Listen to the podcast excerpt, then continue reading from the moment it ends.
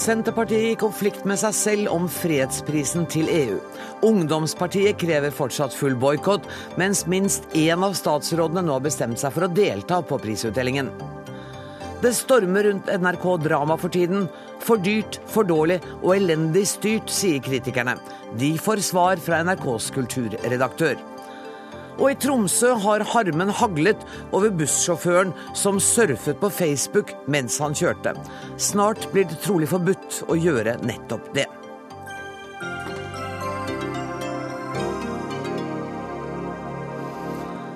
Dette er noen av sakene i fredagsutgaven av Dagsnytt 18, der vi også skal følge urolighetene i Syria. Men aller først. Den norske Nobelkomité har bestemt at Nobels fredspris for 2012 skal tildeles Den europeiske union. Unionen og dens forløpere har gjennom mer enn seks tiår bidratt til å fremme fred, forsoning, demokrati og menneskerettigheter i Europa. Slik hørtes det ut da Torbjørn Jagland offentliggjorde navnet på årets fredsprisvinner den 12. oktober. Neste mandag skal prisen deles ut her i Oslo. Hvem som kommer for å ta den imot, er usikkert. Og det er heller ikke helt klart hvem som stiller opp i rådhuset på vegne av Senterpartiet. For det er tydeligvis ikke lett å bestemme seg. Per Olaf Lundteigen, velkommen til Dagsnytt 18. Skal du delta på fredsprisutdelingen? Nei, jeg syns ikke det er naturlig. Er det snakk om en boikott? Nei. Det er en invitasjon, og en eh, velger da om en vil delta eller ikke. Det som er kjernen i fredsprisen, det er at den skal tildeles den som det siste året har gjort den største innsatsen for nedrustning og forbrødring. Og med den sosiale og politiske uro som nå er innafor EU, så er dermed ikke EU noe godt valg. Tidligere i høst så tok parlamentarisk leder i partiet Lars Peder Brekk til orde for at Senterpartiets ledelse og stortingsrepresentanter skulle markere sin motstand mot fredsprisen ved å la være å gå på utdelingen. Ja, Det har vært en diskusjon om dette her, sjølsagt. Og eh, det er en invitasjon. Og eh, stortingsgruppas medlemmer ser ikke det naturlig å, å delta på det. Parlamentarisk leder Lars Peder Brekk han deltar for derigjennom også vise at en er tilhenger av Nobelinstituttet, som deler ut fredsprisen. Og Trygve Slagsvold Vedum skal også delta. Det er riktig. Statsråd Vedum skal også delta, av den akkurat samme grunn. Har dere vært utsatt for et visst press f.eks. fra statsministerens kontor her for å ikke skape unødig uro rundt denne utdelingen? Det kjenner jeg ikke til. Nobels fredspris det er en politisk pris, men det er ikke en partipolitisk eller en regjeringspolitisk pris. Ville det ikke vært naturlig at regjeringen stilte fulltallig opp på en eh, utdeling som for nasjonen Norge betyr så mye, også omdømmemessig? Jeg ser ikke det. Det er nettopp for å vise avstand mellom regjering og fredsprisen så er det ikke unaturlig at regjeringas medlemmer står fritt i forhold til å delta eller ikke. Stortingsrepresentant for Høyre på Stortinget, Nikolai Astrup, velkommen hit. Hva syns du om Senterpartiets håndtering av denne saken? Jeg syns jo ikke noe om det. fordi det de gjør, er å nettopp politisere prisen. Og jeg mener at det må være mulig å skille mellom den eh, medlemskapsdebatten som vi har, og, og, EU som fredsprosjekt. Og også i Norge må det være mulig å være innbitt motstander av eh, norsk medlemskap i EU, men samtidig anerkjenne den viktige rollen EU har spilt for freden de siste 60 årene, men også de siste 12 månedene, bl.a. ved at eh, nå Kroatia er tatt opp som medlem. Eh, og dermed det siste urolige hjørnet av Europa er i ferd med å, å bli en del av den europeiske familien. Svekker det oss at det er en sånn åpenbar uenighet internt i regjeringen om dette?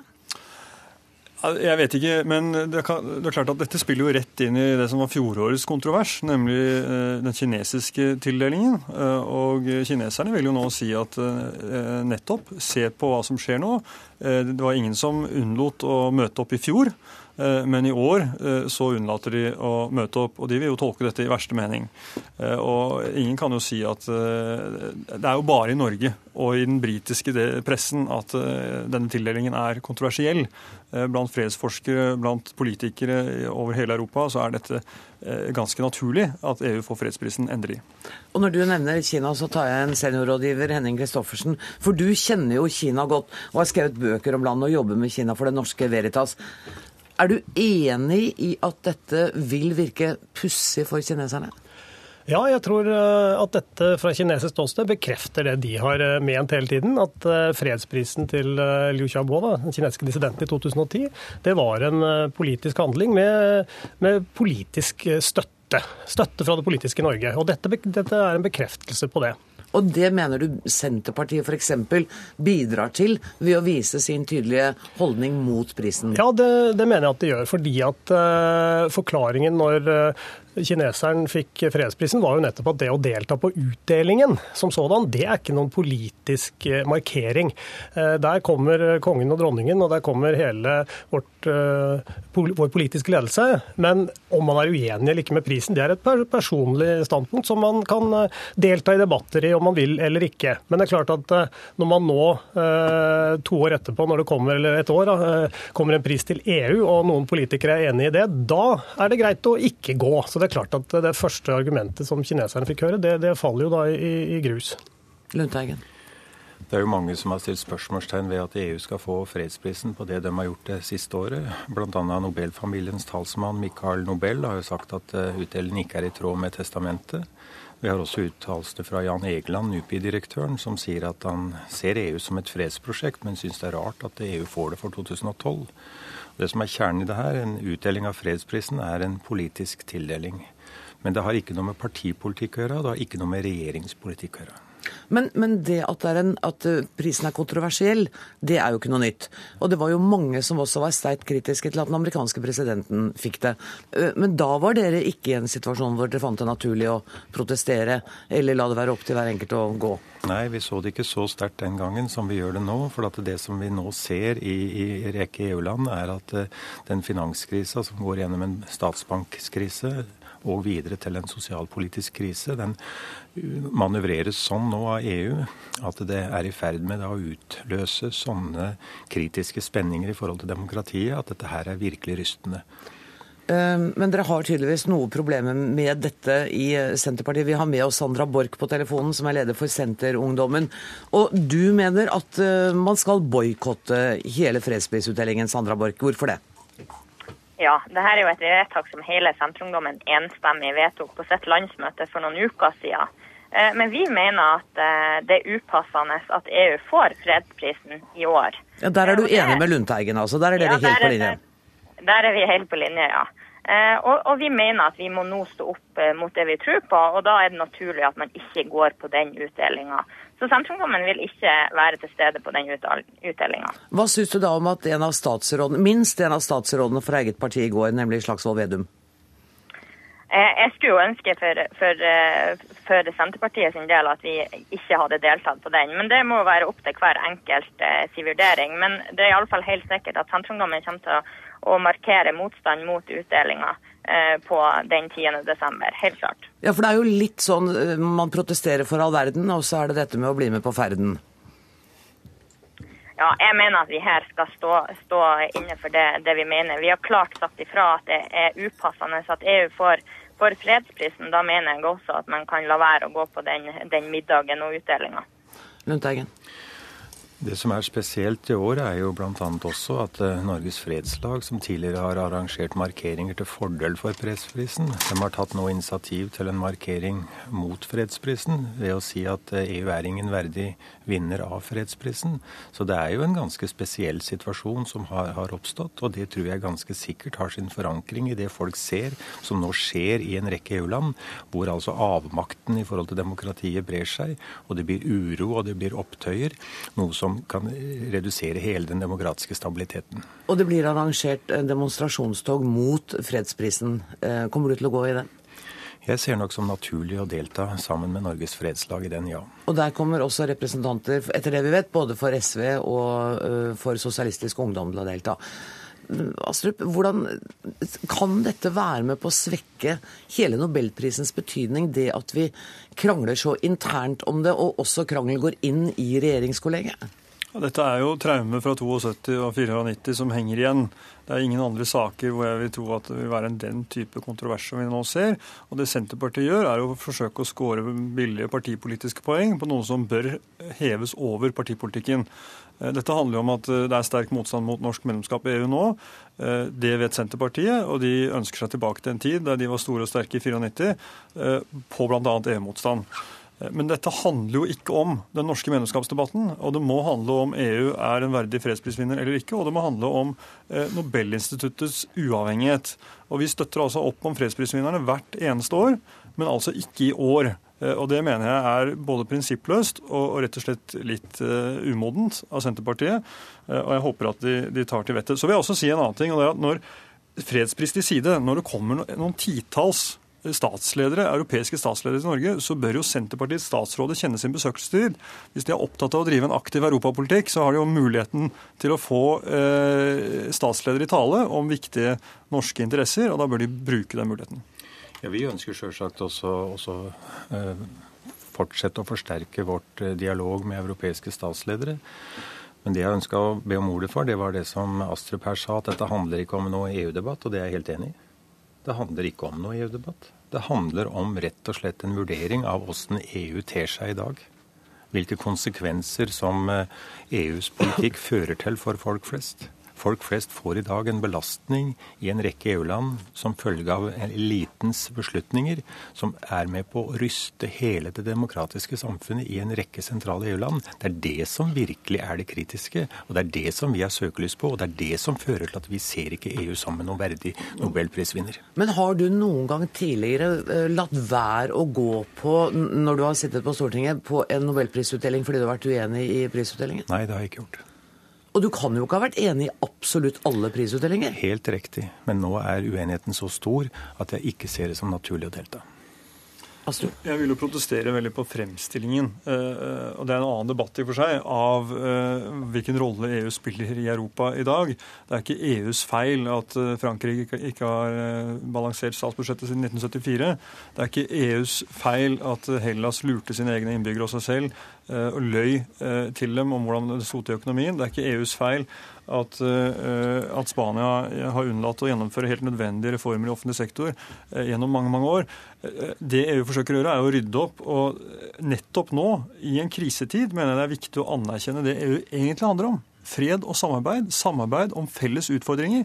Og EU forsøker jo nå å hjelpe europeiske land som selv har kjørt sin økonomi på dunken. Eh, og det er også et viktig aspekt av det europeiske samarbeidet, og, og spiller inn i fredstanken. Men, men, er det så, da må jeg gå til Henning Kristoffersen. Er det sånn at det liksom, den, i år er det mer politisk akseptabelt å boikotte enn det var da Liu Xiaobo? For da var det jo næringslivet som sa at dette bekymrer oss, og da var det ingen som protesterte. Ja, jeg skal love deg at det ser ikke sånn ut fra Beijing. og Det er klart at eh, det som skjer nå, du, du bør ikke være kineser for å se at denne eh, Nobelkomiteens uavhengighet den den er problematisk å håndtere selv for norske politikere. Og det er uh, synd, eh, syns jeg. Så, så det, det, gjør det veldig vanskelig for om det er Trond Giske eller andre statsråder nå å fremover uh, holde på forklaringen overfor kineserne om at Nobelkomiteen er uavhengig. Derfor så kan ikke vi komme kineserne i møte når kineserne inviterer da til at Norge skal komme med et initiativ i forhold til dette her. Så, så, det er et svært problematisk argument å kjøre nå etter dette her. Det, det er det bare. Sier du at det anstrengte forholdet som næringslivet særlig opplever eh, i forhold til Kina, at det nå kan bli forlenget skråstrek forverret pga. dette? Nei, Det tror jeg ikke det er uh, veldig ille. og Det blir bare verre uansett hvor lenge konflikten blir. Det sier seg selv, for det, posisjonen befester seg. Uh, men det blir uh, vanskeligere for norske politikere å holde på den forklaringen man har hatt hele tiden. Så, så det, det, det, gjør det i hvert fall ikke det, det, hjelper ikke på hvis man tenkte at kineserne skulle bevege seg i denne saken. Det, gjør det ikke, for dette bekrefter nettopp det fra kinesisk ståsted, som de har ment hele tiden. At dette er en politisk pris, og den er støttet av det politiske faktisk i Norge.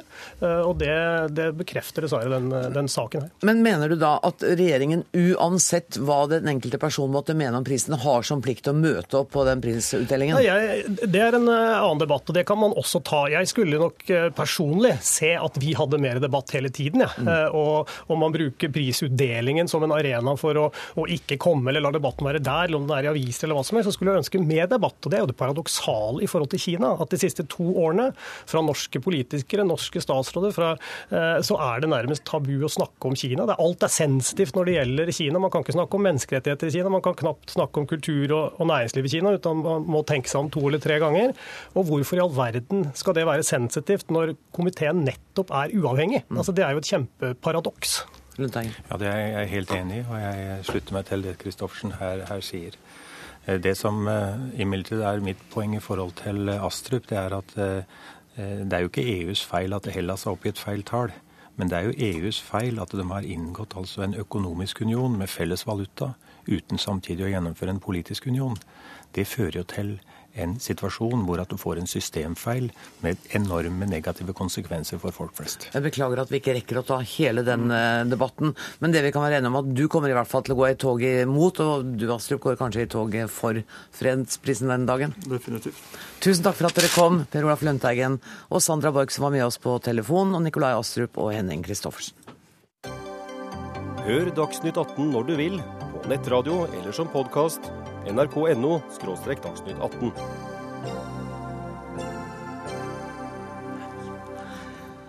I går kunne vi lese at den syriske befolkningen plutselig mistet både internett og mobilforbindelse. I dag har vi hørt at den internasjonale flyplassen i Damaskus er stengt. Mange frykter at noe er i gjære, at situasjonen i Syria går fra vondt til verre. Og Sigurd Falkenberg Mikkelsen, du er NRKs Midtøsten-korrespondent. Du er i Egypt akkurat nå. Hva vet du om det som foregår i Syria i dag? Så det er mye som tyder på nå at vi er på vei inn i en ny fase i krigen i Syria. Det siste vi har hørt, er at har, kampene rundt flyplassen eh, har eh, roet seg. Eh, men at det er fortsatt kamper i en del av de sørlige forstedene i Damaskus, som jo leder ut til, til flyplassen. Internett er fortsatt nede, så Syria er på en måte mørklagt informasjonsmessig det har vært en gradvis opptrapping fra opprørernes side de siste, eh, siste uka, siste ti dagene, med, med bl.a. bruk av bakke-til-luft-raketter mot fly og helikopter. Dette er jo en eh, ny militær utvikling som gjør eh, Assad-regimet mye mer uh, sårbart. og I Syria nå så er det mange som at, frykter at denne informasjonsmørkleggingen varsler en storoffensiv. Ja, sier du da at den informasjonsmørkleggingen er politisk og ikke rent en teknisk feil? Det virker i hvert fall slik. Eh, man skal være forsiktig med å eh, dømme for raskt. Man vet jo ikke helt hva som skjer, men måten det har skjedd på, koordineringen, tyder på at dette er eh, et regimets virke. Regimet selv skylder på terrorister, men hvis det er slik at opprørerne i Syria er i stand til å koble ut hele internettet i Syria, så er jeg redd for at det uansett ville være game over for Assad. Du sier at kampene rundt flyplassen ser ut til å ha stilnet noe. Betyr det at det nå er flygninger til og fra den internasjonale flyplassen i Damaskus igjen? Jeg har ikke hørt det. Jeg tror de internasjonale flyvningene fortsatt er innstilt. Jeg har ikke sett at de har eh, begynt igjen. Eh, I hvert fall her er Egypt Air og, og en del andre flyselskaper har, har kansellert eh, flyvningene sine til, til, Egypt. Men uansett, internett nede eller ikke, vi får jo bare glimt av det som foregår i Syria. Mm. For min del så var det sist gang så var jeg i, i Israel, faktisk, på Golanhøyden og sto bare 100 meter unna voldsomme kamper mellom eh, eh, syriske regjeringsstyrker og opprørsstyrker om en liten landsby. Eh, og det er betegnende for et av regimets problemer. Det er at de klarer ikke å ta tilbake og få kontroll over områder. De har slåss i Aleppo siden august, og nå er det mye som tyder på at kampene flytter seg inn mot hovedstaden. Tusen takk skal du ha, Sigurd Falkenberg Mikkelsen. Kai Kvemme, du er prosjektkoordinator ved Senter for islam og Midtøsten-studier ved Universitetet i Oslo. Går vi fra vondt til verre i Syria nå? Ja, om vi går fra vondt til verre syns jeg kanskje er vanskelig å si, men det er jo helt klart en opptrapping, det som vi, vi ser nå. Eh, det er riktig som eh, Sigurd sier, at eh, kampen har blitt mye kraftigere i Damaskus. Og på en måte også i Aleppo. Men det vi da har sett i Aleppo, er at opprørerne har klart å, å stenge alle veiene på nær én inn til byen. Så det er jo helt klart at det virker som at de er på en ganske voldsom fremmarsj nå, og at regimet er på vikende front. Men det virker jo som den fronten viker langsomt, da de trekker det ut?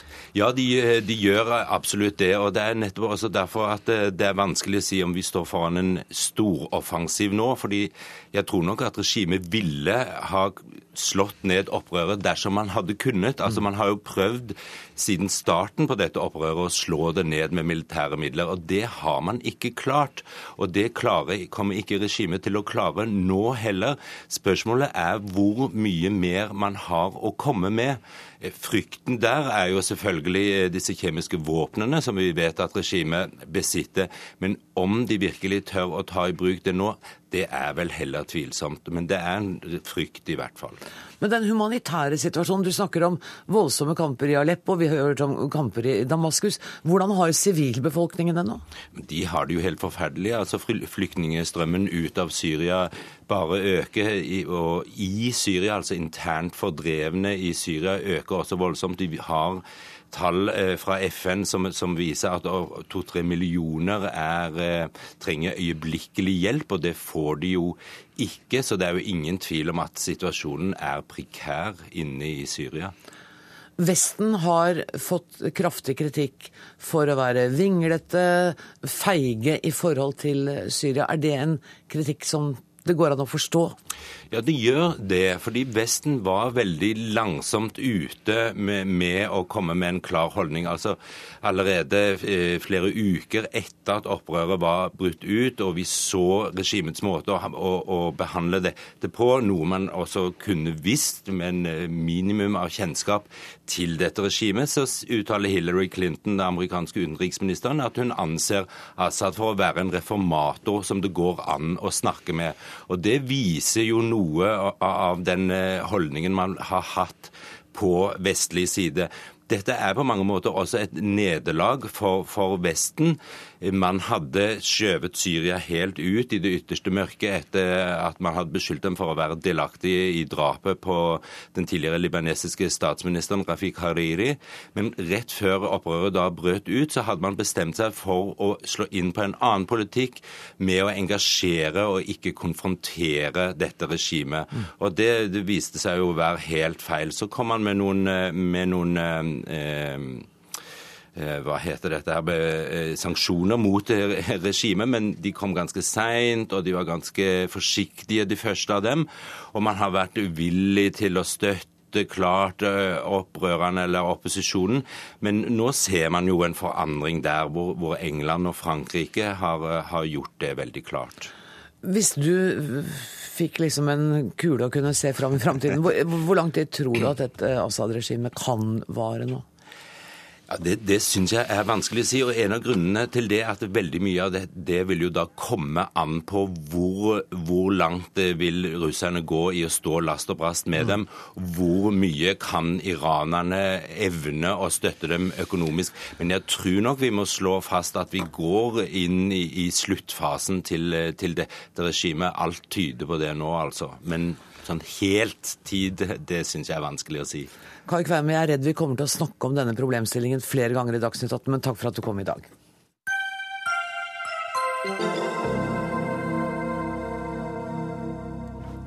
Det har stormet kraftig rundt eh, NRK-drama for tida. Kritikere mener at NRKs dramaproduksjon er for dårlig, for dyr og ikke minst elendig styrt.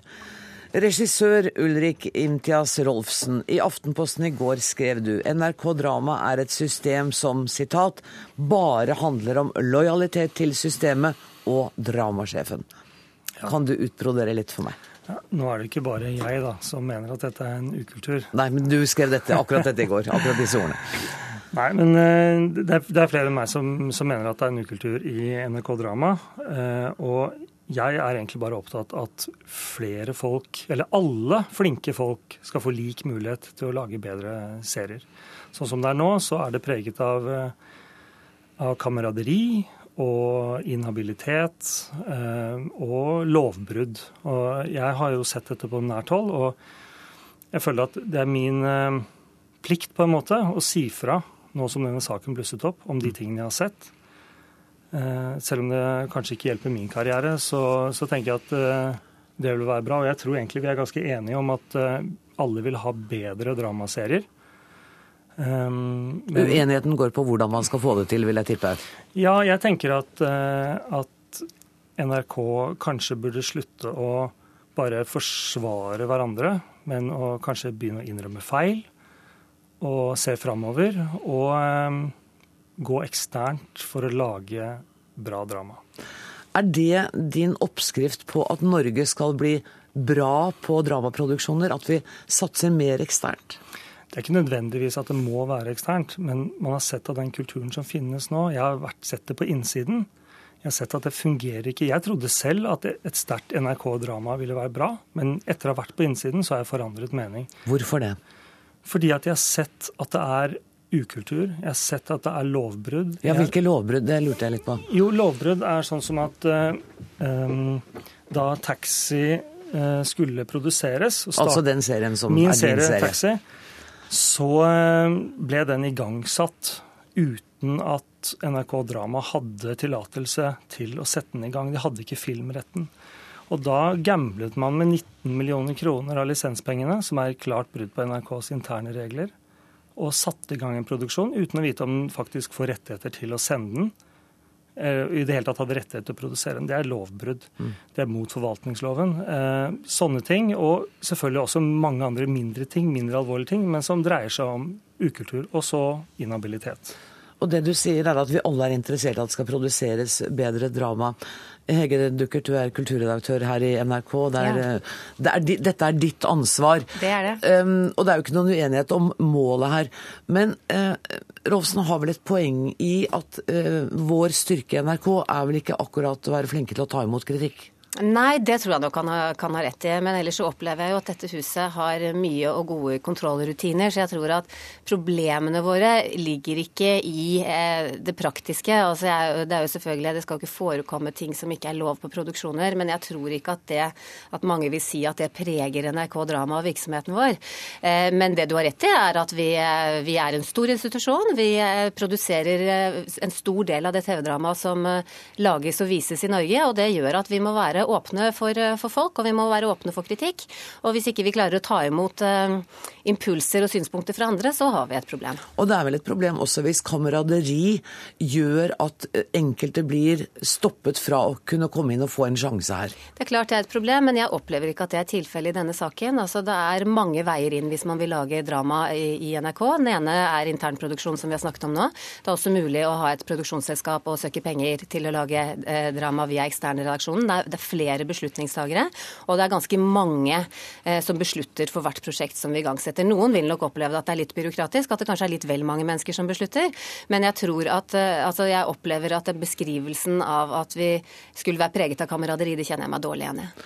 Mye av denne diskusjonen kom i offentligheten etter at dramasjef Hans Rosené hadde vært ute og uh, sagt hva han syns skulle være retningen for drama, nemlig at det skal være større fokus på forfatter, og kanskje man reduserer regissørens rolle. Er det det som har utløst uh, diskusjonen, Rofsen? Det er helt klart det som satte i gang diskusjonen denne gang. Jeg gikk ut i Aftenposten og sa ting jeg hadde bestemt meg for å egentlig ikke si. Jeg har tatt det internt med ledelsen og, og sagt ifra og ønsket at de skulle rydde opp i det internt. Eh, men det at han går ut nå og sier at regissører ikke er viktige, forfattere er viktigere, det, det, føler jeg bare at er et eksempel på at han ikke kan så veldig mye om filmproduksjon og TV-produksjon. fordi at forfattere og regissører de, de trenger hverandre. Og vi trenger sterke fortellere. Vi trenger ikke svake fortellere. Og det jeg har opplevd her inne i NRK når jeg har laget min serie, er at hvis man setter krav og er en profesjonell regissør, så blir man stemplet som vanskelig. Og så velger man heller å bruke amatører til å gjøre jobben her inne. Så de nye manusforfatterne de, de rekrutteres jo fra amatørstatus. Eh, de har ikke gjort noe før, fordi at de setter ikke så sterke krav. Og det, det er jo et problem. Er vi redde for sterk krevende profesjonalitet, Dukkert? Nei, selvfølgelig er vi ikke det. Og vi vet alle at eh, kunstneriske produksjoner er ofte Det fins litt gnisninger, og det er sterke mennesker som, eh, som, bryner seg mot hverandre, og sånn skal det være. Og jeg reagerer jo på måten Ulrik Imtias Rolfsen snakker om manusforfattere på her. Men det jeg også fikk lyst til å si, er at det er jo ikke sånn at vi på noen måte har ønsket å gå ut og si at regissører er mindre viktige. Altså, Vi klarer oss ikke uten noen form for talent, ved. På alle dramaserier som NRK lager, så er det regissører, manusforfattere og skuespillere utenfra. Og det er jo de vi er avhengig av. Eh, og det er de vi jobber sammen med, de vi er opptatt av. Sånn at det at vi ser at vi trenger å oppgradere vårt eh, manusarbeid, bli bedre til å fortelle lange historier, det er jo en egen type seriedramaturgi dette å lage TV-serier, det er ikke til forkleinelse for at vi også er opptatt av å ha dyktige regissører. Sara Johnsen, du har sittet veldig stille og høflig og hørt på denne diskusjonen. Du er eh, regissør og forfatter, og bl.a. har du laget filmer som 'Uskyld', 'Vinterkyss' og 'Upper Dog'. Eh, når det gjelder regissørens rolle, så innbiller jeg meg at det er forskjell på om du er regissør på en toepisoders eh, serie på TV og en 36 episoders. Ja, det er jo veldig få regissører som regisserer 36 episoder. For der bytter man jo ut, ikke sant? Og... og da må jo litt av spillet være at ja ja, noe er gjort, og jeg kan ikke ha den fulle kunstneriske innflytelse som jeg gjerne vil ha, ville jeg trodd. Ja, det er klart det er. Og, men det er ikke noe sånn at uh, de fleste filmregissører ikke skjønner det. Og det er ikke noe hokus pokus for en spillefilmregissør å gjøre TV. Det var det første jeg gjorde når jeg ble ferdig på filmskolen, var at de ringte fra SVT i Sverige og spurte om jeg ville regissere eh, TV-drama. Så det er en illusjon. Og det som er problematiske, det er at det har vært eh, Altså det har blitt sånn at eh, det blir en sånn hatretorikk nesten mellom NRK Drama og filmbransjen. Altså Filmbransjen er full av talenter. Og det er viktig at dramasjefen er opptatt av de talentene. Nysgjerrig, ligger i forkant, vet hvem som skriver hvem, holder på med hva. Hvem er det som har lagd det beste nå i det siste? De skal jo han hanke inn til seg. Han skal ikke, og jeg tror også det at han gikk ut med denne saken, den er egentlig helt idiotisk. Det er jo fint at forfatterne får mer makt. Det er bra at det flyttes makt fra det som er byråkratiske avgjørelser, ned til forfatterne, sånn at de får mer ansvar og mer makt over det de lager. Det er tipp topp. Det her er ikke noe konflikt egentlig mellom regissører og eh, manusforfattere. Men dramasjefen klarer å, å, presentere det som det i pressen. Og det er et problem. Men, men, er det det som er problemet, eller er du rett og slett uenig med Rolfsen? Jeg er ikke uenig med han, men jeg har ikke de erfaringene han Nei. har. Jeg har ikke jobbet i NRK Drama, så jeg vet ikke hvordan det er. Men jeg, jeg syns at hovedproblemet er at det virker som NRK Drama eh, med sin styring er de er ikke flinke til å være interessert i talenter. Og de er veldig dårlige, sånn som han sier, de er så dårlige til å ta kritikk. Mm. Eller hvis de skal snakke om en serie eller noe, så sier de bare ja, den hadde så og så mange seere. Men man må jo ha visjoner, man må jo ha lyst til å lage noe utrolig bra. Man må jo være kvalitetsbevisst. Man må jo være liksom overtent når man skal være dramasjef i uh, for en stor eh, som NRK. Og der, der, har det vært flere kritiske røster på at vi ikke er overtente, vi er ikke entusiastiske. Og nå hører vi at vi heller ikke er flinke nok til å Eller dere, da, kan jeg si, siden jeg ikke er i samme avdeling. Uh, flinke til å fange opp nye talenter. Og det er snakk om en hatretorikk i forhold til filmbransjen. Ja, altså jeg tenker at Det med talentene skal vi virkelig ta på alvor. Det er jo noe av det viktigste vi gjør, er å klare å finne nye, nye stemmer, nye mennesker som vi skal bruke. Så det, det syns jeg virkelig er et utrolig viktig arbeid, og tro meg, det legges det mye vekt på. Og så får jeg bare konstatere at vi ikke er, er gode nok i forhold til det. Eh, en hatretorikk Vi kom helt åpenbart skjevt ut. Det var forsøk på å presentere en strategi under arbeid eh, som ble misforstått, opplevde jeg, og ble møtt på veldig mange forskjellige måter. Og Derfor så forsøker vi jo nå å å, snu dette ved at vi i dag har vi hatt møte med Dramatikerforbundet. Vi skal ha møte med norske filmregissører, som er filmregissørenes interesseorganisasjon neste uke. Eh, og vi prøver å åpne døra så godt vi kan for å få inn de innspillene på hvordan vi kan lage best mulig TV-drama, som er poenget her. Og Filmregissørenes forbund har jo også sagt at det er helt nødvendig med en avklaring, og de vil også gjerne ha en skriftlig på en måte en deklarasjon av hvor NRK har tenkt at veien skal gå videre. Ja, jeg tror i hvert fall det viktige nå er at vi begynner å snakke sammen, og, eh, og ikke til forkleinelse for Dagsnytt 18, men at vi noen ganger snakker utenfor dette rommet også. Og at vi klarer å få en forståelse av hva det er som skal til for at vi sammen skal dra i samme retning. Jeg er glad for at dere kommer i dette rommet og snakker. Eh, Rolfsen, eh, nå hører du hva kulturredaktøren eh, sier. Syns du at det nå er noen åpninger og noen lyspunkter i forhold til hvordan du opplevde stemningen før du skrev? Er, jeg tror det er vilje. Jeg tror absolutt det er vilje mm. her på huset. Og jeg ser jo at uh, man, man, går ut og lager produksjoner. Lillehammer er laget ute. Halvbroren, den største dramaproduksjonen NRK noensinne har laget, er laget eksternt. Og da skjønner ikke jeg hvorfor man ikke kan bare legge alt ut. Fordi at nå blir det dobbeltløp. Det er mye mer kostbart. Det er mye mer ineffektivt hvis man skal bade laget her inne og lage der ute. Syns vi skal legge ned dramaavdelingen? Jeg syns man skal gå ut. Den dramaavdelingen kan være en profesjonell innkjøper mm. som setter krav. Dere, dere, gjør jo allerede det med Lillehammer og Halvbroren og flere andre. Koselig med peis etc. Gode serier. Eh, som da eh, kjøpes inn. Og man bruker en bransje som faktisk er der, og som er klar til å ta imot. Og som Sara sier, mange flinke folk som jobber eh, veldig hardt og veldig profesjonelt og veldig seriøst. Og jeg tror det vil fungere. Det vil, det vil bli bedre for det norske folk. Jeg har også lyst til å si at Det er veldig mange av de som er proffe og flinke og jobber veldig hardt, som jobber internt i NRK Drama òg. Det er en fantastisk bra produksjonsstab som jobber så remmer og tøy holder. og jeg tenker at Det er viktig at vi husker her, for at det er noe med, med hvordan retorikken rundt dette blir. og Det er, det er et sterkt fagmiljø her som uh, fortjener respekt. Men uh, dette med å, å, gjøre dramaavdelingen kanskje til en mindre avdeling som har ansvaret for innkjøp, er det en tanke dere i ledelsen leker med og ser på muligheten for? Jeg syns det er viktig at NRK er kunstprodusent. Altså at vi lager, at vi en, en, en, er en aktør og har en stemme på kunstfeltet. Vi gjør det gjennom uh, musikk, gjennom Kringkastingsorkesteret, og vi gjør det gjennom den internproduksjonen vi har i, i uh, NRK Drama. Og når, uh, Ulrik snakket jo ned, akkurat her om at det var viktig at det var flere porter inn. Mm. Og det opplever jo vi at det vi forsøker å gjøre nå, er å koordinere det interne og eksternt produserte dramaet bedre, og sørge for at de snakker bedre sammen, og at det er flere, flere veier inn og flere mennesker som vurderer. Og ikke bare et dobbeltløp, et parallelt dobbeltløp som kommer til å gjøre det enda dyrere. Sverre Sara Johnsen, uh, ønsker du deg en dramaavdeling som ikke produserer noe i NRK, men som bare har ansvaret for å sørge for å få produsert eksternt det aller beste? Jeg syns det er vanskelig, fordi det er jo masse mennesker der som er, har en fast ansettelse, og det er deres liv og det er deres arbeid. Men det er klart at når man jobber ute i bransjen, så er man jo vant at det er knallhard konkurranse. Man må hele tiden skjerpe seg, man må hele tiden gjøre sitt beste. Og det, det må man kanskje internt i, i dramaavdelingen også, det vet ikke jeg.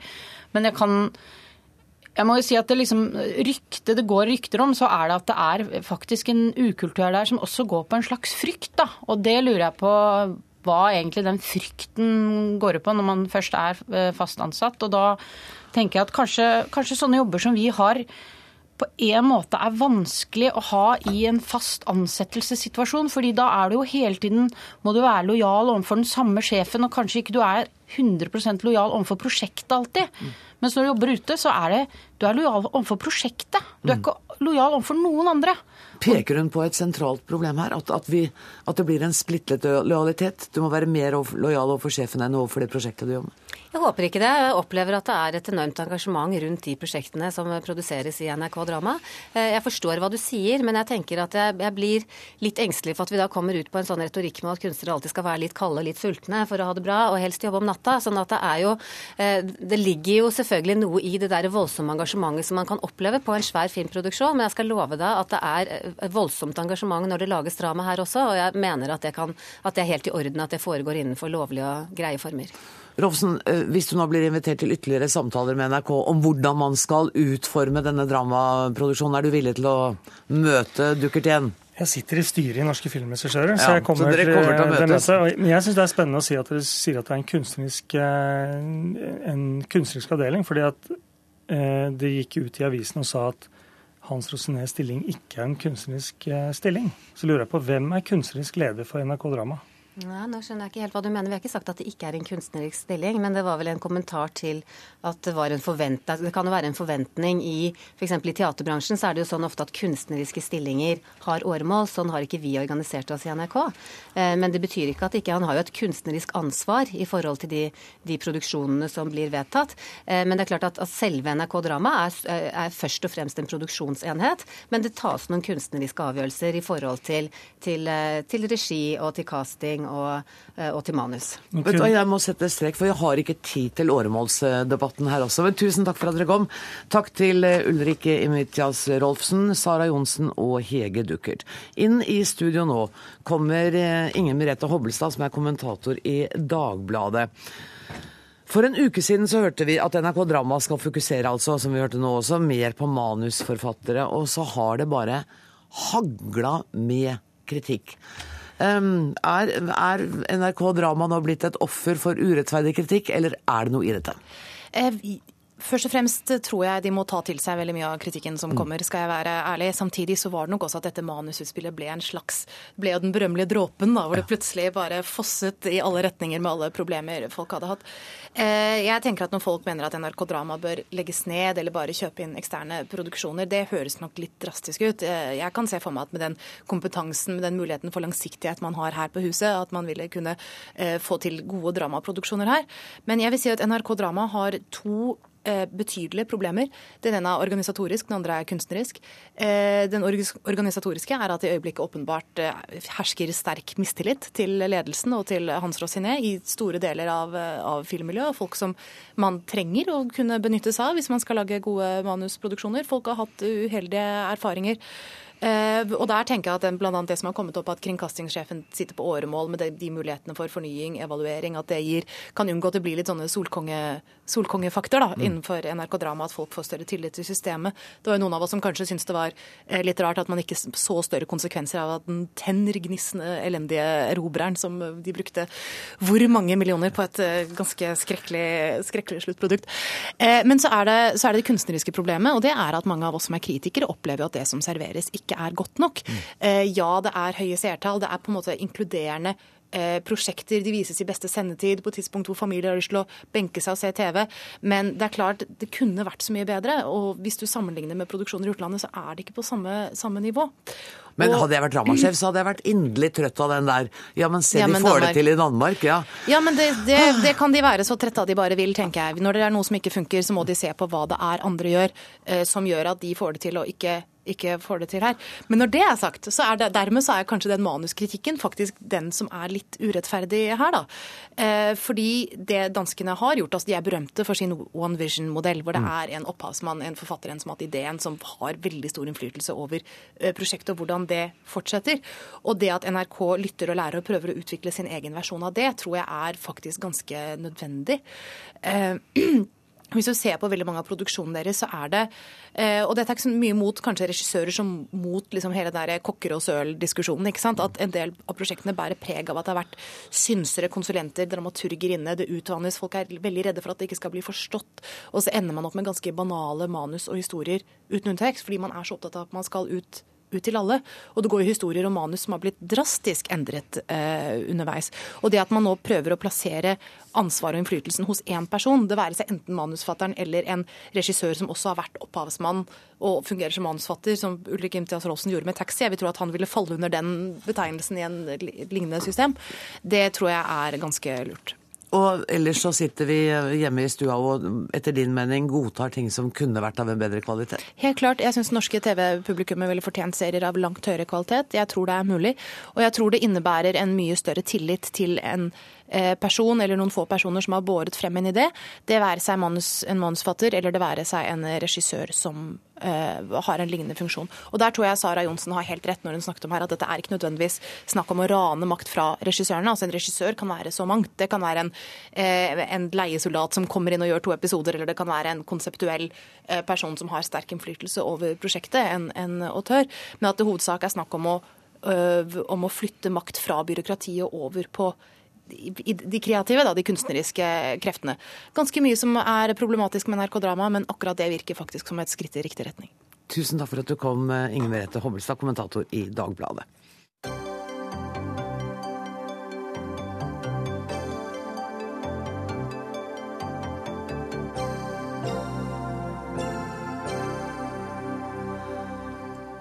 På Dagbladets nettsider har vi i dag kunnet se bilde av en bussjåfør i Tromsø som taster på mobilen sin mens han kjører en fullastet buss. Veidirektoratet arbeider nå med en forskriftsendring som skal totalforby teksting i bil. Og André Finnreite, jurist i NAF. Vi må altså ha et uttrykkelig forbud? Eh, egentlig ikke. Vi har et forbud i dag. Det er en utbredt misforståelse at vi ikke har det. Veitrafikklovens paragraf 3 som sier at man skal opptre eh, aktsomt i trafikken, vil også omfatte både SMS-er, bruk av mobiltelefonen. Men, men Allikevel er det ute på høring nå. Ja. Et forslag som eksplisitt sier at denne type bruk av mobiler vil være forbudt. Ja, og det er klart at eh, kanskje det at man får et fokus på denne ene konkrete bruken, at, som vi har hatt nå med håndholdte eh, mobiltelefoner, at det øker folks oppmerksomhet hvor farlig det egentlig er å fer- ferdes i trafikken. Vet vi hvor farlig det er å sitte og tekste litt eller surfe litt på Facebook mens vi kjører? Eh, Det er jo lov å bruke huet. Eh, Vi har en reaksjon, reaksjonstid. Kjører du 80 km i timen, så, så bruker du eh, opptil både 50 og 70 meter før du er, har satt i gang en reaksjon. Det er Hvis- uten mobilen. Nei, det er med mobilen. Er med altså, vi har en menneskelig reaksjonstid på ett sekund. Men, men ett sekund kan være forskjellen på liv og død, og det bør flere ta inn over seg. Har dere, har dere noe inntrykk av at denne type mobilbruk, altså surfing eller bruk av nett eller teksting, at det er voldsomt økende i trafikken? Ja, jeg håper å si nesten bare å se hver morgen på, på vei til, til og fra jobben, så, så ser man jo folk sitter både og leser avisen og drikker kaffe og test, eh, tekster samtidig. Det er helt ubegripelig hvor folk har huet sitt hen. Men både kaffe og krangling med ektefellen er, er helt tillatt. Ja, nettopp Og skrikende unger i baksetet. Så, Ja. så det er litt av NAF sitt poeng her, at man kan ikke lovregulere seg ut av enhver situasjon. Og det, eh, den, den loven vi har i dag, den oppfatter til og med krangling med kjerringen og ungen i baksetet. Fordi at den handler om aktsomhet. Nettopp. Men mener da, vi, at, mener da NAF at vi ikke trenger denne presiseringen som nå er ute på høring? Jo, vi har gitt vår støtte til når forslaget først kom. Høres ut som litt under tvil. Ja, fordi som sagt, eh, vi, vi er den oppfatning vi har hjemmel i dag, men den brukes ikke. altså Det, det, det er vanskelig for politiet å føre bevis for. Her har vi, vi har hatt dette håndholdte forbudet. Og det Alle mennesker vet om det. og det er klart Når vi nå får fokus på det å SMS-e og bruke andre eh, innretninger på telefonen, apper eller hva det måtte være, at vi får et større fokus ut, på, ut fra et trafikksikkerhetssynspunkt.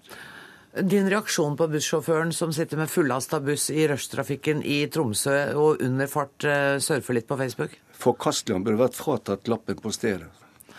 Jan Erik Larsen, du er programleder og bilentusiast, og du er med oss på telefon. Du tilbringer relativt mye tid i bil, har jeg hørt. Eh, Hvilke erfaringer har du med teksting i bil? Jeg er på begge sider egentlig der. For på den ene siden så må jeg innrømme at eh, de siste årene, de gangene jeg har vært nærmest en møteulykke, så har det nok vært fordi bilen som kommer mot meg, der har det vært en person som sitter og tekster. Eh, Og gjerne på en rett strekning, for de holder seg unna teksting i svinger. Når de kommer på en strekning, så tenker de her kan jeg sende tekstmelding eller sjekke telefonen, og så segner de over, og så må jeg tute og bære og blinke, og så går det som regel akkurat bra. Og Da ble jeg irritert, men på den annen side så sitter jeg jo i glasshus, for som du sier, jeg tilbringer jo veldig mye tid i bil. Og jeg er av de som tviholder på min gamle tastetelefon, nettopp fordi med den kan jeg da à la touch-metoden skrive tekstmeldinger mens jeg sitter og kjører bil. I likhet med at jeg også både drikker kaffe og spiser baguett og holder på mens jeg, mens jeg kjører bil, fordi store deler av arbeidsdagen blir jo tilbrakt i bil i fart. Ja, Dine medbilister hermed være advart. Når vi ser Jan Erik Larsen i bil, så drikker han kaffe mens han tekster, leser avis. Ja. Eller kanskje ikke ille. Eh, Men, men, altså, du sier du har en gammel mobil? Ja, jeg tviholder på min tastemobil, rett og slett for den klarer jeg å sende tekstmeldinger med uten å ta blikket fra veien. Ikke ljug, da. Den ligger jo i, tommer, i tommelen min, så jeg har ikke en smarttelefon. Men har du en smarttelefon som de fleste har i dag, så må du også se på skjermen, for du klarer ikke å kjøre touch samtidig eh, som du ser på vei. Da må du se på telefonen, og det er da jeg tror eh, faren oppstår. Men, men uansett så, jeg tror også det er vanskelig å lovregulere det. Vi kan godt gjøre det, og vi har veldig mange lover fra før. Men er det ikke blitt sånn i dag at vi, vi bilister vi, vi, vi leker en sånn katt og mus-lek med politiet? Det er kanskje ikke først og fremst respekt for lovene, men det er frykten for å få en bot. At politiet skal oppdage oss, at vi faktisk da unngår å gjøre noe. Så det er typisk det når du snakker med noen telefonen, at de plutselig sier Oi, oi, vent, vent, vent, vent. Det kom en politibil. Å ja, ja, der var han forbi. Ja, ja. Jo, hva, hva sa du? Ikke sant? Vi, til og med moren min er jo sånn. Hun er jo der tidligere, og det, det er en litt sånn katt og mus-lek, uh, har det blitt. Så du er egentlig enig med Fimreit i at vet du hva, det er lov å bruke huet, og sunt folkevett er heller ikke å forakte? Absolutt. Fordi vi må være aktsomme. Og hvis folk hadde lest hva du kan bli utsatt for av straff hvis du gjør noe gærent i trafikken, så hadde jo ingen av oss turt å kjøre bil. Langt mindre sende en tekstmelding når vi kjører, for hvis du krasjer Og politiet kan i dag veldig lett finne ut om du sendte en tekstmelding eller snakka uten handsfree i telefonen når ulykken inntraff. Da sitter du mildt sagt fryktelig dårlig i det, spesielt hvis du har skadd et annet menneske. Og Da høres det for meg ut, eh, dere to, som at dette handler om holdningsendringer og en endring av kjørekulturen, Fimrette, Mer enn påbud og forbud? Helt klart. Og, og NAF eh, Vi jobber for trafikksikkerhet. Og det, at vi skal bidra til denne holdningsendringen, det kan folk være helt sikre på. Og Jan Erik Larsen, det er med litt bekymring jeg ser Fimreit og hører at du driver og tekster mens du kjører bil. Kan du love at du slutter med det nå? Jeg, jeg kan heller fortelle deg at gutta i min redaksjon sier at hvis vi har dårlig tid, så kan aldri Jan Erik kjøre, for han kjører saktere enn en prest og er veldig lovlydig. Jeg har to bøter i hele mitt liv, og jeg tror jeg har kjørt like mye som andre bruker ti år på å kjøre. Ti, ti liv!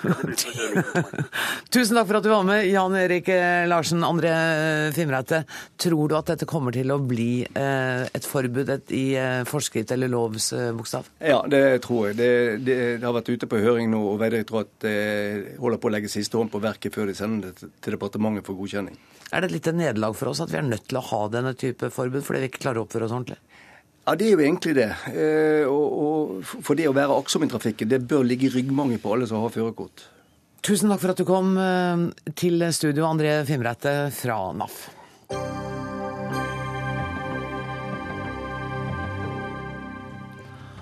Og nå litteratur. For i dag kom lista over de som er nominerte til Nordisk råds litteraturpris. Og på denne lista står altså to norske forfattere, Nils Øyvind Haagensen og Ole Robert Sunde.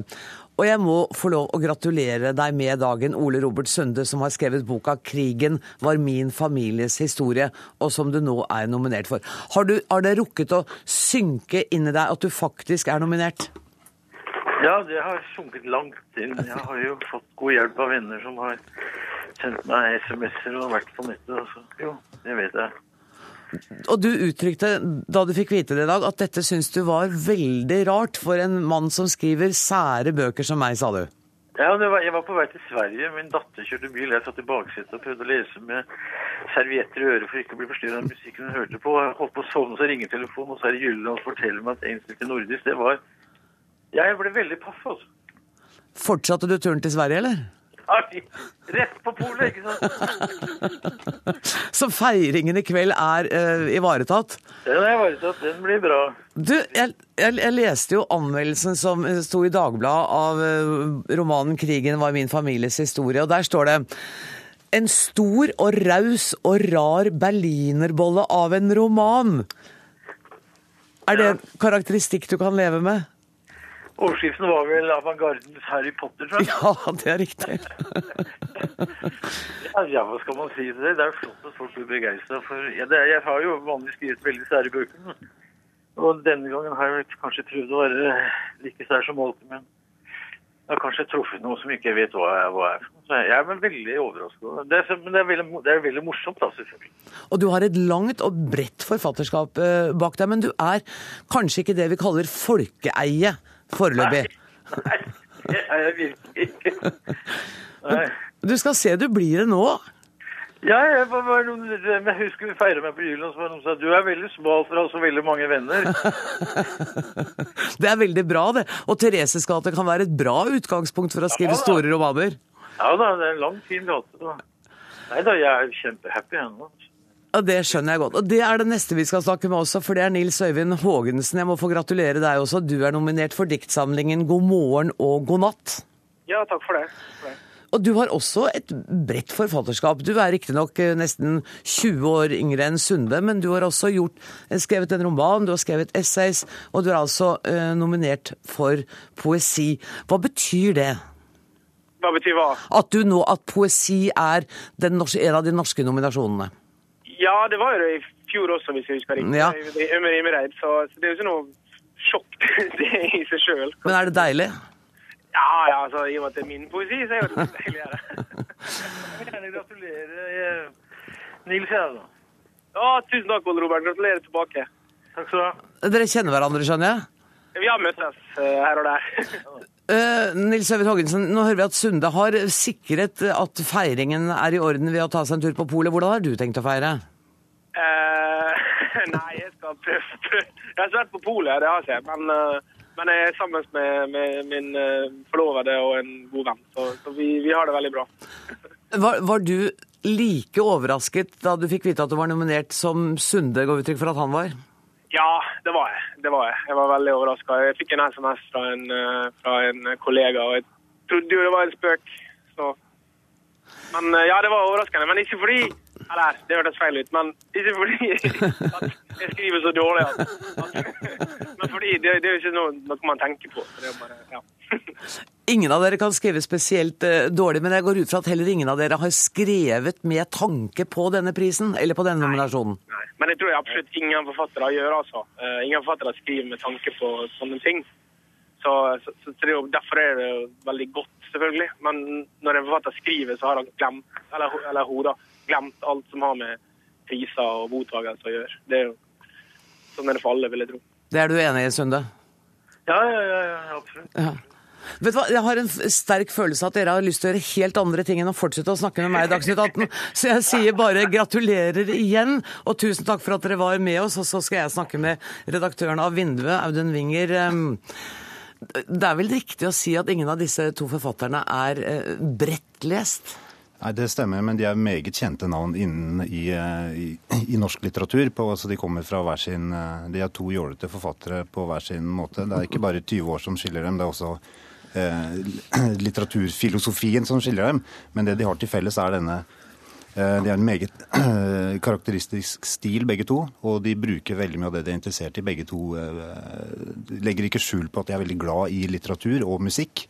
Mens Sunde har Joyce og Joyce og Bach, så har, eh, så har Haagensen heller Murakami og Waterboys. Men de bruker det på en De er like, de er like opptatt av denne, denne, gleden de har over, over annen, annen, kunst, og så, og så, bruker de det til sitt eget. Mens Sunde gir ut 600 sider lange romaner og veldig lange, uh, essays, så har Haagensen en, mer, en litt lettere holdning til det. Så begge Haagensen har, har, større mulighet til å bli folkelesning, fordi han står for et uh, poesisyn som prøver å avdekke, eller så ta vekk den mørke osteklokken som mange mener ligger over poesien. Ja, og, og, og den osteklokken er det jo mange eh, som mener at Ole Robert Sunde representerer. Så, så det er to vidt, to, to vidt, forskjellige forfattere. Og det er egentlig litt spennende at disse to er, eh, er valgt av juryen, fordi de var ikke, med, ikke nevnt i Brage prisen som ble ut, utdelt her i går eller i forgårs. Nei, nettopp. Så der, der, ser man at uh, det er liksom ikke gitt at uh, det er de mest kjente uh, forfatterne som, som, blir nominert. En annen ting, altså Om disse her kan gå av med seieren, det kan man ikke se bort ifra. For det er ikke I Sverige så er det Lars Norén, dramatikeren, som er en av de nominerte for et, et slags comeback i, i prosaen. Mm. Så det er vel kanskje en mulighet. Men altså, det er egentlig samme F om de vinner eller ikke. For de har nå et år hvor de kan gå rundt og være nominert til Nordisk råd. Og jeg tror det, det å vinne de pengene er ikke så nøye. Herregud, de bor i Norge, så de har det godt uansett. Men det er det selvtilliten det gir å være nominert, og den presseinteressen det blir. Ole Robertsen på Dagsnytt 18 er bevisst nok i seg selv. Pluss at nå må alle norske kulturjournalister lese disse for å kunne uttale seg om dem eller skrive om dem. Og det gjelder faktisk da også journalister i de andre nordiske landene. Så sånn sett er det kult.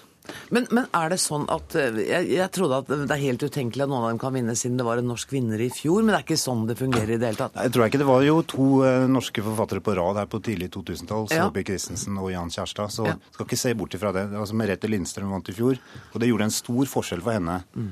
Eh, som har skrevet eh, år ut og år inn egentlig, og uten at noen har eh, brydd seg noe særlig om henne sånn i, utover, utover små kretser. Så hvis, hvis, en av disse skulle vinne, så ville det jo være eksplosivt. Så da, ja. Men, men, hvis vi skal rangere Nordisk råds litteraturpris, sånn, er den nummer to etter nobelprisen i litteratur? For en nordisk forfatter, tenker jeg på da. Ja, men jeg tror Hvis eh, Nils Øyvind eller Ole Robert vinner denne prisen, så er nok det rager nok den langt over nobelprisen, bare så det er sagt. Mye større enn Ja, ja, ja. Herregud, er du gæren. Og allerede det å være nominert gjør at de i et år kan eh, kose seg med gleden av av er, det. det viktigste er å delta. Det viktigste er å delta, og det har virkelig Ole Robert Sunde og Nils Øyvind Haagensen nå gjort. Tusen takk skal du ha, Audun Winge, for at du kom og ga oss et lite innblikk i deres forfatterskap. Dermed er denne sendinga og denne Dagsnytt 18-uka over. Ansvarlig for sendinga i dag har vært Eva Nordlund. Det tekniske ansvaret hadde Frode Thorshaug. Jeg heter eh, Anne Grosvold og takker for nå på fredagskvelden.